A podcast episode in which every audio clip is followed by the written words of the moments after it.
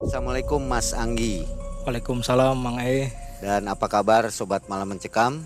Mudah-mudahan semua dalam keadaan sehat walafiat ya. Hmm. Kita ketemu lagi di sini malam hari ini untuk mendengarkan sebuah kisah nyata. Kali ini datang kembali kepada kita Mas Anggi. Kenapa Mas Anggi kita undang kembali? Karena ada kisah yang tersisa yang belum dikisahkan oleh Mas Anggi. Ini juga seru nih. Hmm. Waktu Mas Anggi mundur ke belakang lebih muda ya. Ya, sebelum kejadian yang Gadung Gulung itu, Mang. Oke, Mas Anggi aktivitasnya apa nih sekarang? Ya, masih di dunia broker juga sih. Masih tetap Ah, jual beli rumah ya? rumah tanah itu. Oke, luar biasa dan jangan skip videonya, tonton sampai akhir supaya nggak gagal paham. Karena ini ceritanya dari mulai belajar ilmu Ilmu kanuragan. kanuragan, terus kita tarik benda pusaka juga, Oke. jual beli di situnya. Yang terakhir itu kita ditunjukkan namanya uang gaib. Uang gaib ya? Iya. Wah, ini bau-bau uang nih seru nih. Baik, sobat malam mencekam, jangan ke mana-mana bersama Mang Ei dan tim kita dengarkan kisah dari Mas Anggi. Malam mencekam, semakin malam semakin mencekam. Inilah Mas Anggi.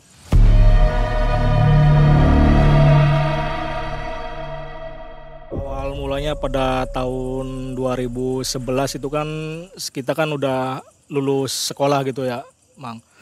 Lulus sekolah itu masih bingung kita mau cari kerja ke mana gitu.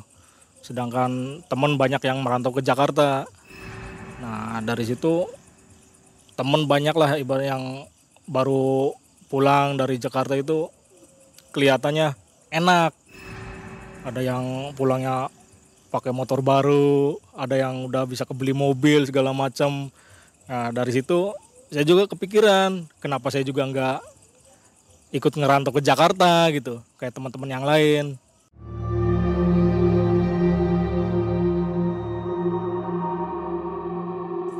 Nah setelah lulus pokoknya jedanya itu setahun saya di rumah lah, ikut bantu-bantu kakek sih.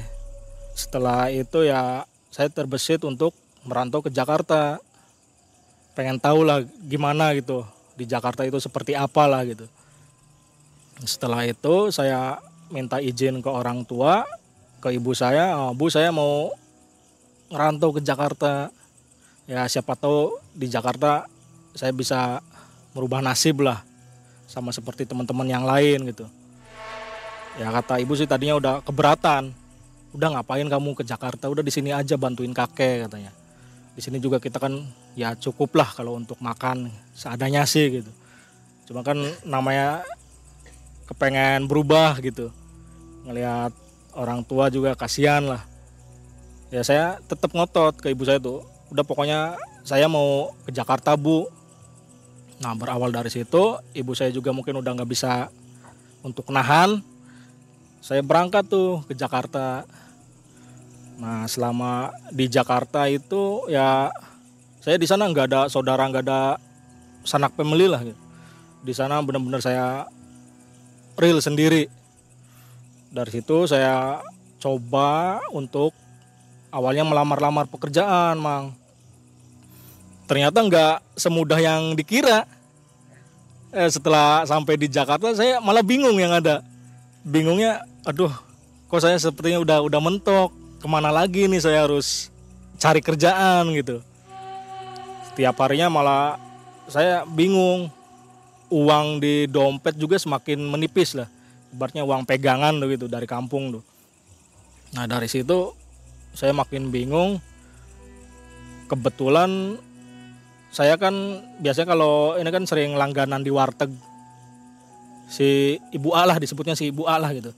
Saya sering langganan di warteg si itu waduh uang saya udah mau habis lagi. Coba saya ngobrol ke ibu warteg itu. Bu gimana bu kalau misalkan saya sementara kerja bantu-bantu ibu di sinilah di warteg ini? Ya alhamdulillah si ibu itu mau gitu menolong saya. Pas saya lagi benar-benar kebingungan kesusahan cari kerja itu akhirnya dia ya udah nggak apa-apa mas. Kalau misalkan masnya masih belum dapat kerjaan udah nggak apa-apa di sini aja dulu bantu-bantu ibu katanya untuk cuci piring atau ya goreng-goreng gorengan lah kayak gitu. Selama di situ pasti kan tuh yang namanya warteg tuh emang banyak pembeli lah. Ada juga langganan si ibu itu nggak sengaja dia itu lagi cari orang katanya lagi butuh orang. Ngomong ke si ibu wartegnya. Cuman ya ibu wartegnya belum sempat cerita ke saya waktu itu tuh. Nah setelah si ibu wartegnya sekian lama baru inget baru ngeh. Akhirnya dia cerita e, Mas Anggi itu langganan ibu tuh lagi cari orang katanya lagi butuh orang untuk diajak kerja katanya. Itunya siapa bu? Saya kan maksudnya kan orang asing juga kan ya. Masih masih masih ada rasa gimana gitu nggak langsung percaya gitu. Ya itu pokoknya dia sering langganan makan di ibu di sini. Bilangnya sih ya itu nyari temen katanya untuk diajak kerja ya nggak lama kemudian ya saya dikenalin tuh namanya Ikin Nah di situ kita coba kenalan, ya ngobrol-ngobrol. Awalnya sih ya dia bilangnya itu ya kerjaannya marketing. Yang, yang saya bingung itu marketing apa kata saya tuh. Ya pokoknya marketing lah. Nah setelah itu saya diajak ke kosannya dia, diajak main.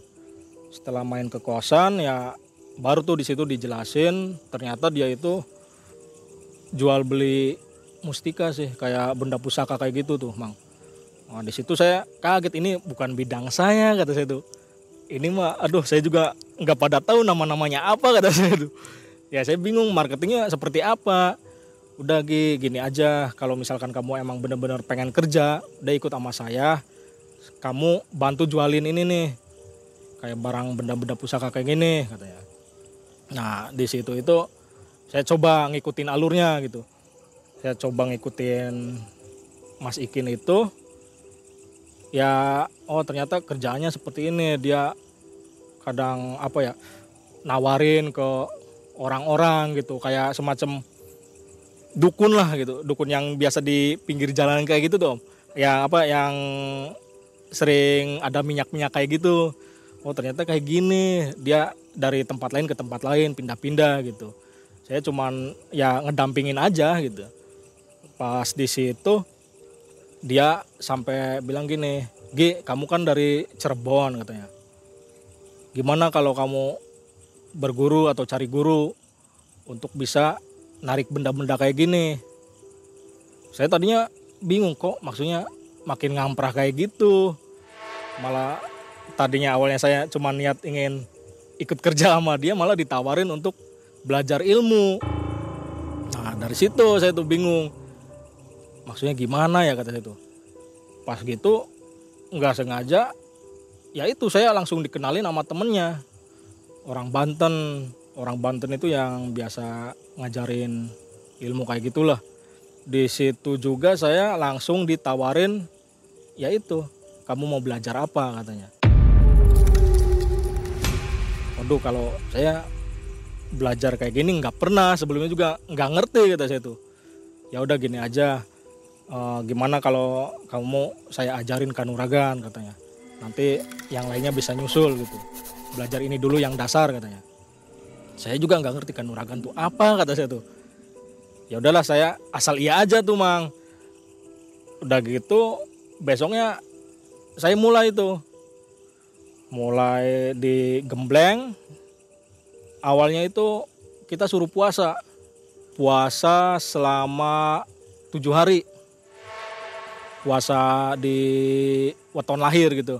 Nyampe ke hari weton lahir tersebut itu puasa selama tujuh hari itu yang dirasakan sih awal puasa itu masih biasa masih ibaratnya wah nggak nggak ada pengaruh apa-apa gitu.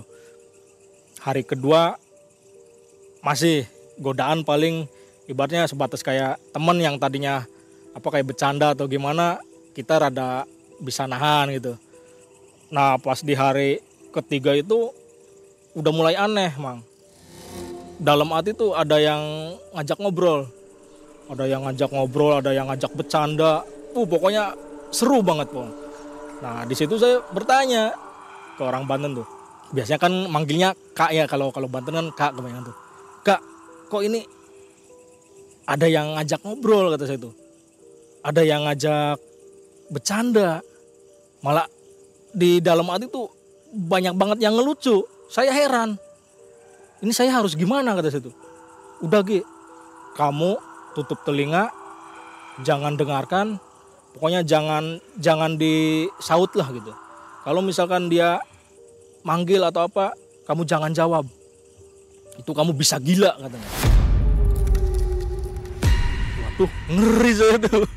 Nah untungnya di situ saya orang Banten itu ngasih tahu ke saya gitu. Ya udah pas hari ketiga udah kelewat hari keempat masih itu mang. Godaannya masih yang dalam hati tuh masih banyak yang nyaut banyak yang manggil banyak yang bercanda kayak gitulah. Cuman pas malamnya itu aduh saya dibikin kaget ngeri tuh. Saya lagi wirid kayak gitu lagi ya lalakon ya bahasanya tuh mang. Di dalam atap itu ada suara kenceng banget tuh. Nggak tahu apa tuh. Ya pokoknya suaranya geleger gitu kayak ada yang jatuh gitu di dalam apa di atas para tuh di atas genteng tuh. Kayak ada yang jatuh aja buar! Terus saya kaget dong bangun astagfirullahaladzim kata saya tuh apa ini? Itu gitar itu kan di kosan kan ada gitar tuh ya. Gitar itu jatuh sendiri mang. Nggak tahu itu siapa tuh yang jatuhin. Cuman ya saya di belakang saya itu udah udah kerasa. Waduh sepertinya itu ada gitu ternyata benar pas saya nengok ke belakang itu sosok lewat tuh sosoknya itu ya bisa digambarkan pakaiannya sih merah semua cuman nggak nengok nggak apa dia cuman cuman lewat aja mungkin tadinya lagi ngeliatin saya terus pas saya nengok itu dia langsung les gitu Oh, di situ saya udah mulai kaget, saya juga udah mulai buyar di situ tuh. Saya lanjut enggak nih. Nah, saya saya curhat tuh ke si ininya yang orang Banten itu. Kak kata saya tuh ini kejadian semalam itu apa sebenarnya? kata saya tuh. Ya itu kamu udah mau lulus gitu katanya. Saya duh saya kayaknya nggak bisa ini. Hari keempat aja udah godanya kayak gini kata saya tuh. Gimana nanti ke depannya hari-hari berikutnya kata saya tuh. Udah ge kamu pasti bisa katanya.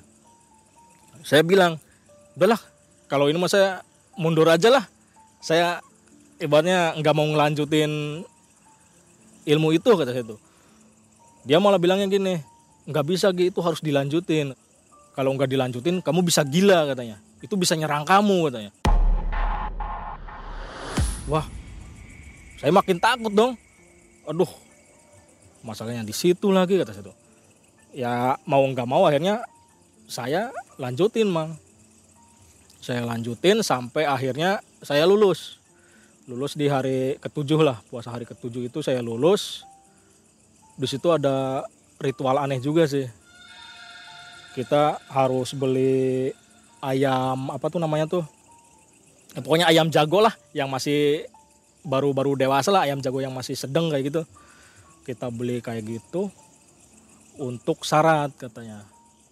Untuk syarat itu harus di depan pintu di mana saat saya keluar masuk itu ngelangkah itu harus dilangkahin gitu. Saya kan wah makin aneh nih. Ya, kalau di Jakarta kan namanya kosan atau kontrakan itu kan bertetangga kan gimana ya emang ya? Masa saya mau kayak gitu kan keder kan itu ya udahlah gimana caranya? Ya malam-malam tuh. Pas malam-malam itu ayam setelah itu ya baru tuh sama dia diolah. Diolah itu saya cuman ibaratnya cuman kepala sayap dua kaki dua sama jantung. Dia diolah dibakar lah gitu. Cuman nggak pakai bumbu nggak pakai apa cuman asal dibakar aja. G kamu harus habisin itu semua. Habisin sama tulang-tulangnya. Iya sampai habis katanya. Wah di situ saya makin heran dong ya saya kan nggak kuat gitu mang. Aduh gimana caranya? Udah kamu pasti bisa. Ya dengan anehnya ya saya coba itu ya nasi sih paling sedikit mang. Cuma nasi untuk syarat aja gitu. Saya coba habisin semuanya ya.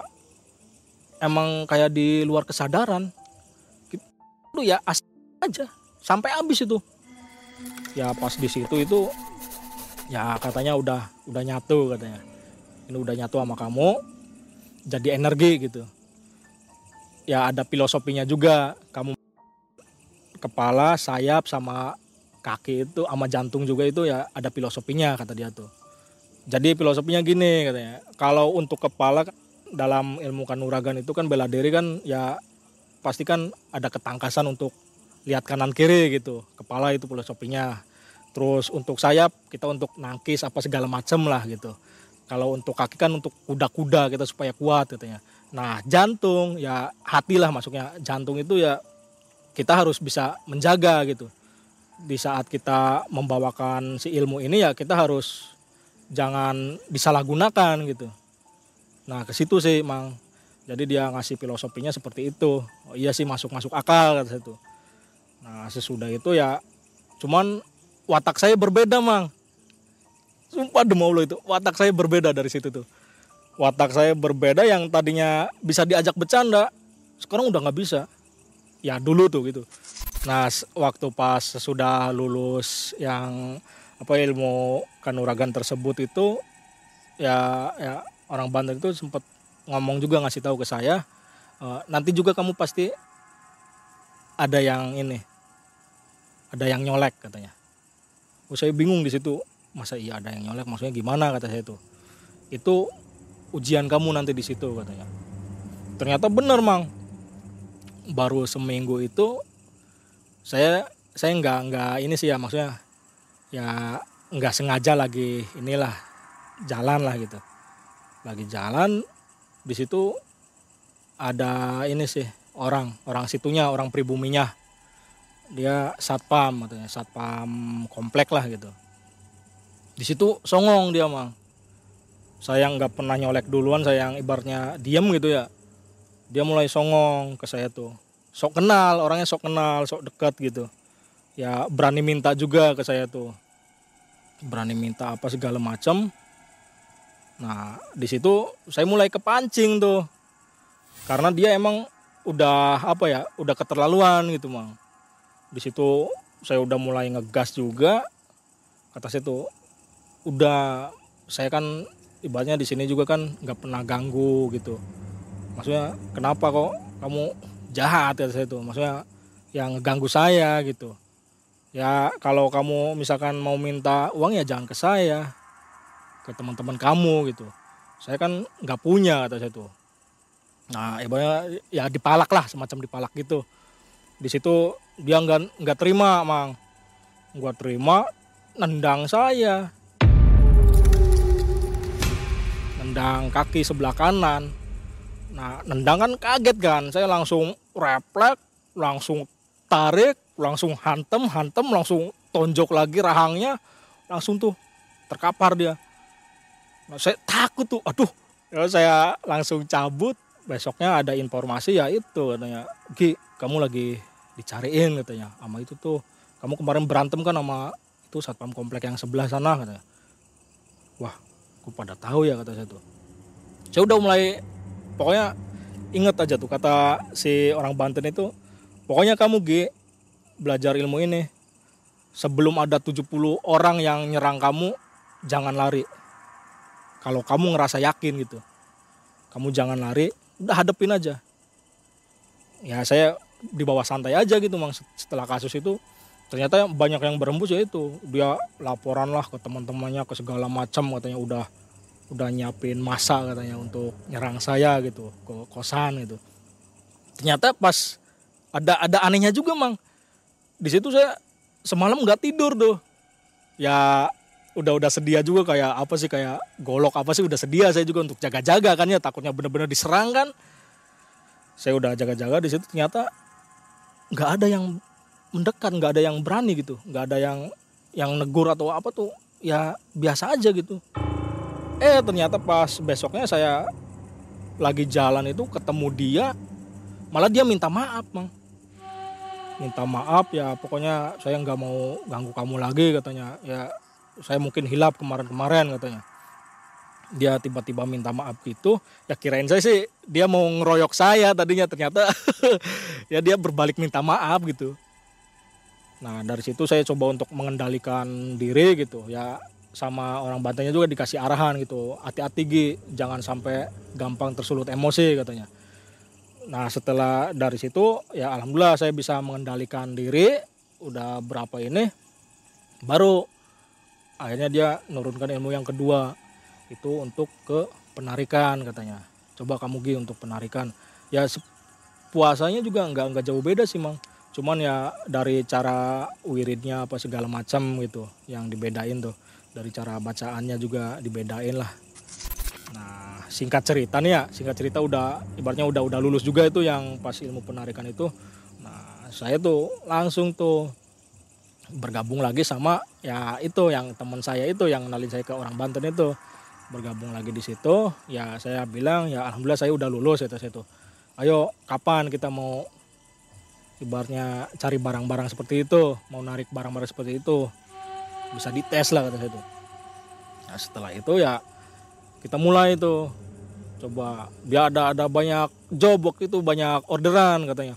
Ada yang minta itu apa RB katanya. Ada yang minta MD nah dari situ ya kita mulai itu kita mulai saya coba dalam penarikan tersebut ya alhamdulillah barang itu bisa kita dapat mang. Ternyata ya tetap saya dibodohin juga sama dia dalam arti gini misalkan itu si barang tersebut terjual dalam uh, dalam harga misalkan kisaran 5 juta saya cuma dikasih sejuta sisanya sama dia semua. Jadi saya ngerasanya waduh ini udah udah keterlaluan sih maksudnya ini udah masuknya saya dimanfaatin gitu. Berapa orang satu tim itu? Satu tim itu empat sih empat ya. Empat waktu itu jadi empat. pembagian nggak fair gitu. nggak fair gitu. Ibaratnya kita kita yang capek oh dia yang untung besar gitu. Pengen kita kan maksudnya kan kita capek bareng ya harus bagi rata gitu. Ternyata ya selama berjalan itu dia yang selalu kebagian paling gede gitu. Nah di situ saya mulai mikir udah udah capek juga waduh saya bingung ke mana lagi gitu saya tuh. Saya udahlah lepas aja lah sama yang beginian kata saya tuh. Nggak lama itu ya saya coba ngubungin teman-teman gitu yang ibaratnya saya dapat informasi katanya si A lagi di Jakarta ini. Nah kebetulan saya kan deket nih dari wilayah sini. Coba saya tuh cari-cari informasi gitu. Akhirnya nelpon temen juga ya bisa berkomunikasi. Waktu itu suruh main ke daerah Kemayoran di situ tuh. Suruh main ke situ, suruh nyamper juga. Saya nyamper ya saya banyak curhat sama dia. Banyak ibaratnya ya keluh kesah. Kemarin saya ya dibohongin lah sama orang. Saya niatnya cari kerja malah jong terus kata saya itu.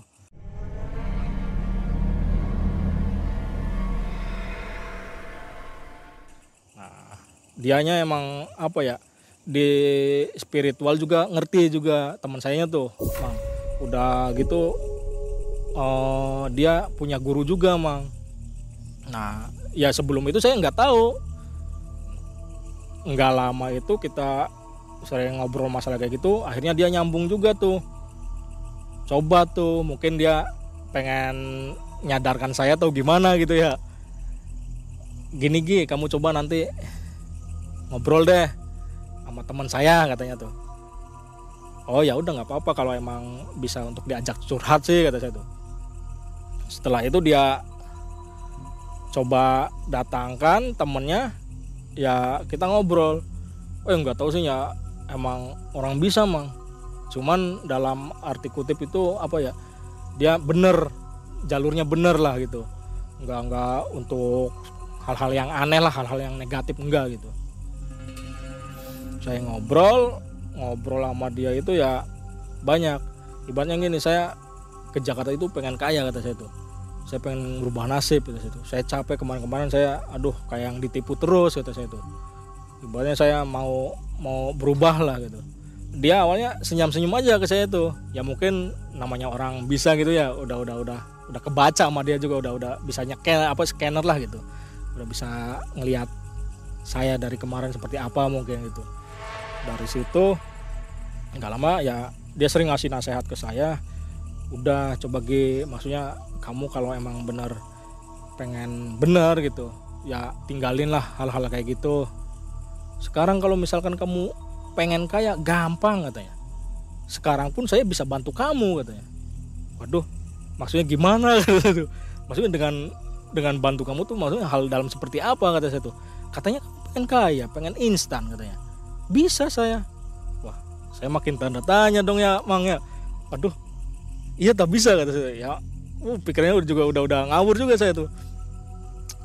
Ya kata dia iya bisa.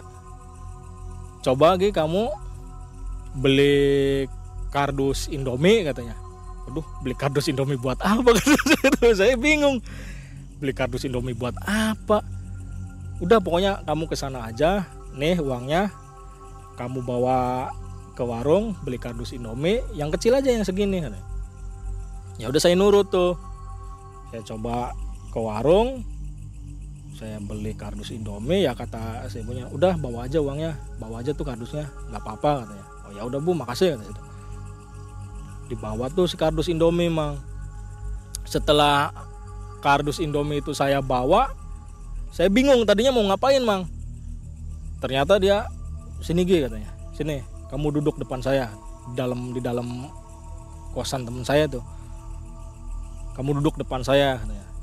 Liatin ya liatin katanya. Ya, saya nurut liatin. Nggak lama itu dia udah mulai tuh. Udah mulai duduk sila segala macam udah ya kayaknya ritual gitu ya. Si tangan dia tuh masuk mang. Masuk ke dalam kardus ditutup tuh atasnya kardus tuh dia baca apa tuh nggak tahu tuh. Ya saya cuma ngeliatin aja bengong. Nggak nyampe lima menit kayaknya. Nggak nyampe lima menit pas dia suruh buka coba gi buka gi atasnya. Dibuka saya kaget. Uh duit semua itu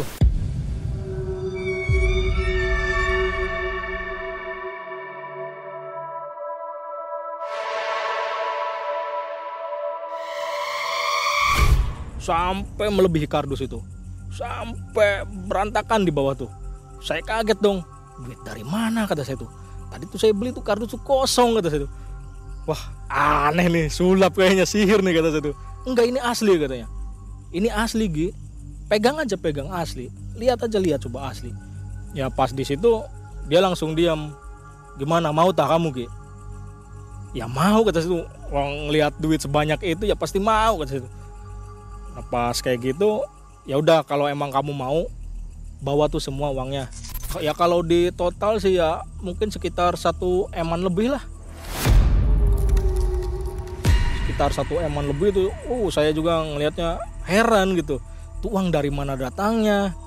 Padahal saya beli itu tadi kardusnya kosong loh. Nggak ada isinya nggak ada apanya. Ya pas tangan dia masuk itu udah berantakan uang di mana di bawahnya itu udah belaratan lah. Ya dia nawarin itu ya itu. Soki kalau emang kamu pengen cepet kaya bawa aja uangnya nggak apa-apa. Tapi jangan disisain satupun katanya. Ini beneran bisa dipakai? Bisa bisa dipakai. Bawa aja nggak apa-apa. Ya saya diem juga di situ tuh maksudnya kaget. Masa iya sih gampang banget kata saya tuh. Nah di situ dia baru tuh sok G kalau kamu bener emang bener nekat katanya. Bawa aja semua jangan disisain. Cuman itu jaminannya kamu katanya. Waduh maksudnya jaminan saya gimana? Ini sosoknya udah ngintai aja udah ngeliatin aja. Wah dari situ saya mulai merinding tuh makin takut tuh. Emang sosoknya seperti apa kata saya. Ya bisa dibilang kayak buta katanya. Wah di situ saya udah mulai merinding tuh mang. Aduh janganlah kata saya. Tuh jangan jangan. Di situ udah udah udah mulai pikirannya juga udah kacau kata saya tuh.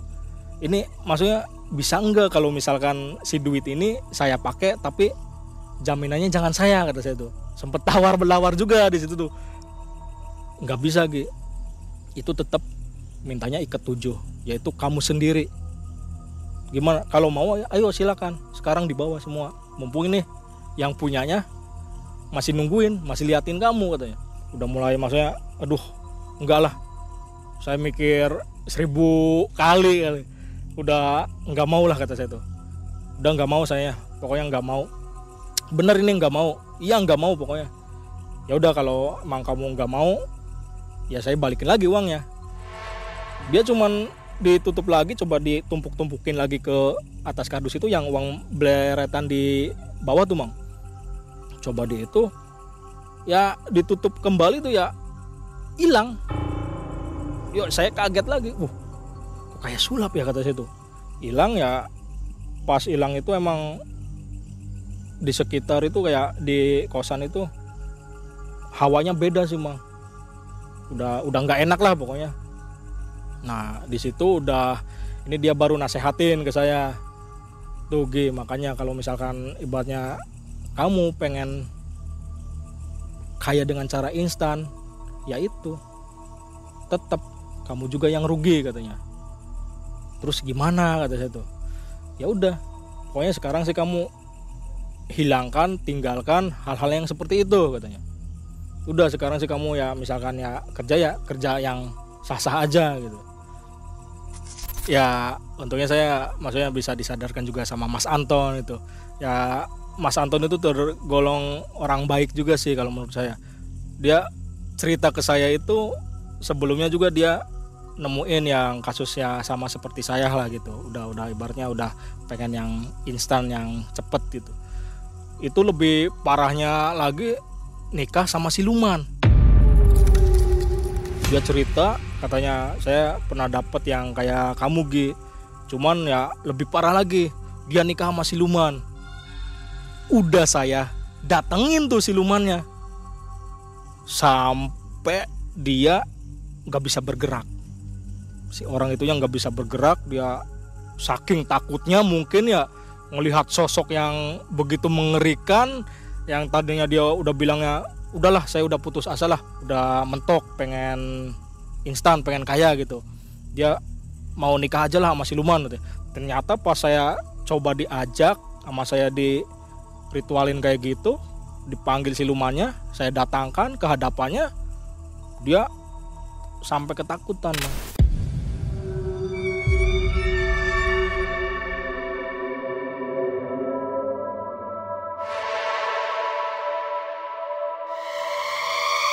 sampai waduh udah sawan lah katanya. Udah nggak bisa apa-apa lagi katanya. Udah aduh tolong udahlah saya nggak sanggup lah ya Jadi gagal ya. gagal ya juga. Ya biasa ibaratnya ya yang tadi saya bilang dia itu tujuannya bagus semua sih gitu. Maksudnya menyadarkan orang-orang yang ya imannya sedang gimana gitu. Cuman kata dia tuh khusus untuk yang orang-orang yang wetonnya Selasa Kliwon kayak gitu katanya. Ya ya sama lah saya juga wetonnya. Itu jadi ya mungkin udah jodohnya juga diselamatin sama dia tuh gitu. Tuh nggak ya bisa saya, sembarang hari ya? Iya nggak nggak nggak nggak bisa kata dia juga. Nggak bisa saya juga uh, ibaratnya bisa nuntun orang yang ke jalur yang kembali bener itu ya itu. Kebanyakan ya itu yang betonnya Selasa Kliwon itu katanya. Ya contoh kemarin juga yang mau nikah sama siluman itu ya watonya itu sama aja. Jadi seperti di film-film itu kenyataan ya bahwa Selasa Kliwon itu mempunyai hari keramat yang khusus ya. Iya. Jadi itu bukan sebuah halusinasi atau trik sulap dari si Mas Anton. Bukan. Asli. Asli itu. Jadi kalau Asli. waktu itu setuju diambil juga udah bisa langsung dibelanjakan. Udah bisa ibaratnya kata dia udah nggak apa-apa sok pakai aja kalau kamu nggak mau nyesel katanya nggak apa-apa bawa pakai semua jangan disisain kata dia tuh diambil nyawa kitanya itu berapa lama ya dia bilang sih ya paling lama itu lima tahun katanya lima tahun kita meninggal iya jadi untuk apa ya lima tahun kaya tapi meninggal udah ya, pasti itu udah pasti itu kata dia itu pokoknya kamu kalau misalkan ambil uang itu ya itu jaminannya udah lima tahun kamu dibawa sama mereka katanya. Jadi dibawa. kaya hanya lima tahun. Iya. Ya saya mikir seribu kali lah maksudnya untuk apa gitu mang? Hal bodoh kayak gitu untuk apa gitu? Ya cuman menikmatin sesaat gitu. Kita kan di sana juga kan pasti kan dipekerjakan sama mereka Bangsa-bangsa mereka kan. Udah udah udah pasti itu udah jelas. Ya setelah saya dikasih ibaratnya pembelajaran dari Mas Anton itu, saya udah mulai ada niatan tuh untuk membersihkan badan lah gitu, untuk ngelepasin ilmu-ilmu yang kemarin saya inilah pelajari itu. Dari situ ya saya coba untuk uh, ngobrol juga ke Mas Anton. Mas Anton gimana nih saya mau ngelepasin beban lah ilmu-ilmu yang kemarin ini yang masih nempel di badan saya kata saya tuh ya udah Gi kalau kamu emang bener mau ngelepasin itu semua tapi kamu nomor satu harus ikhlas dulu katanya ya insya Allah saya ikhlas kata saya tuh udah lepasin. Nah di situ saya dikasih tahu sama Mas Anton itu ya udah uh, coba kamu besok ini aja deh. Kamu mandi di pancuran A katanya tuh. Di pancuran A. Aduh saya nggak tahu lagi ya di mana itu. Nah dari situ ya saya diantar sama Mas Anton juga gitu. Ya alhamdulillah beliau yang ibaratnya ngebantu saya untuk melepasin ilmu-ilmu tersebut tuh mas. Dari ya mereka nuragan itulah. Sampai ya penarikan kayak gitu juga. Beliau yang ibaratnya ngebantu saya untuk mudarin semua ilmu dari tubuh saya itu. Nah dari situ juga saya udah udah mulai tenang kembali gitu. Batak saya juga ya udah udah mulai biasa lagi gitu. Beda sih mang dari waktu pas masih nempel itu ya tetap hawa-hawa apa ya emosi apa segala macam tuh tetap masih ada gitu cuman ya untuk sekarang udah udah semuanya udah dibuang segala macam itu ya alhamdulillah udah adem lah sekarang sih. Udah ngerasanya udah nyaman lagi. Nggak ada kendala ya jadi cepat nggak ada. buangnya cepat iya karena saya juga ikhlas kan gitu. Kata Mang Anton juga udah udah yang penting kamu ikhlas aja gitu. Ya dari kisah ini Mas Anggi ya. Ha? dari mulai ilmu kanuragan beraja musti hmm. terus penarikan sampai pesugihan pasti ada pesan yang ingin disampaikan nih pesan baiknya hikmahnya apa ya pesan baiknya ya jangan melakukan hal yang aneh-aneh lah ya apa pun yang kita lakukan itu pasti ada akibatnya nantinya. Terus ya sebelum kita melangkah itu ya harus dipikirkan secara logika juga gitu. Efek dari hal tersebut baik buruknya seperti apa nantinya. Ya untuk kali ini sih ya banyakin bersyukur aja lah. Ya daripada kita nanti sudah terlanjur terjerumus ke jalur yang salah kan siapa juga kan yang mau disalahin kan. Ya intinya sih ya itu kita banyak bersyukur aja untuk sekarang sih mang pada waktu itu memang emosi ya jadi emosi. ingin semua itu instan gitu ya. iya kan? betul ya menggebu-gebu lah gimana sih kalau cepat pasti cepat kaya juga iya. proses cepat kaya cepat nah itu nggak dipikirkan efeknya ya mm -mm, betul baik sobat malam mencekam tentunya dari kisah ini kita bisa ambil banyak hikmah terbukti dengan segala sesuatu yang instan itu hasilnya juga cepat instan lagi ya, iya. instan matinya tadi. Iya betul. Hanya lima tahun bisa selesai hidup. Baik, sampai jumpa di kisah yang lainnya. Sobat Malam Mencekam, terima kasih masih selalu bersama Malam Mencekam. Ya. Mang Ei dari pinggir hutan bersama Mas Anggi undur diri. Assalamualaikum warahmatullahi wabarakatuh. Waalaikumsalam warahmatullahi wabarakatuh.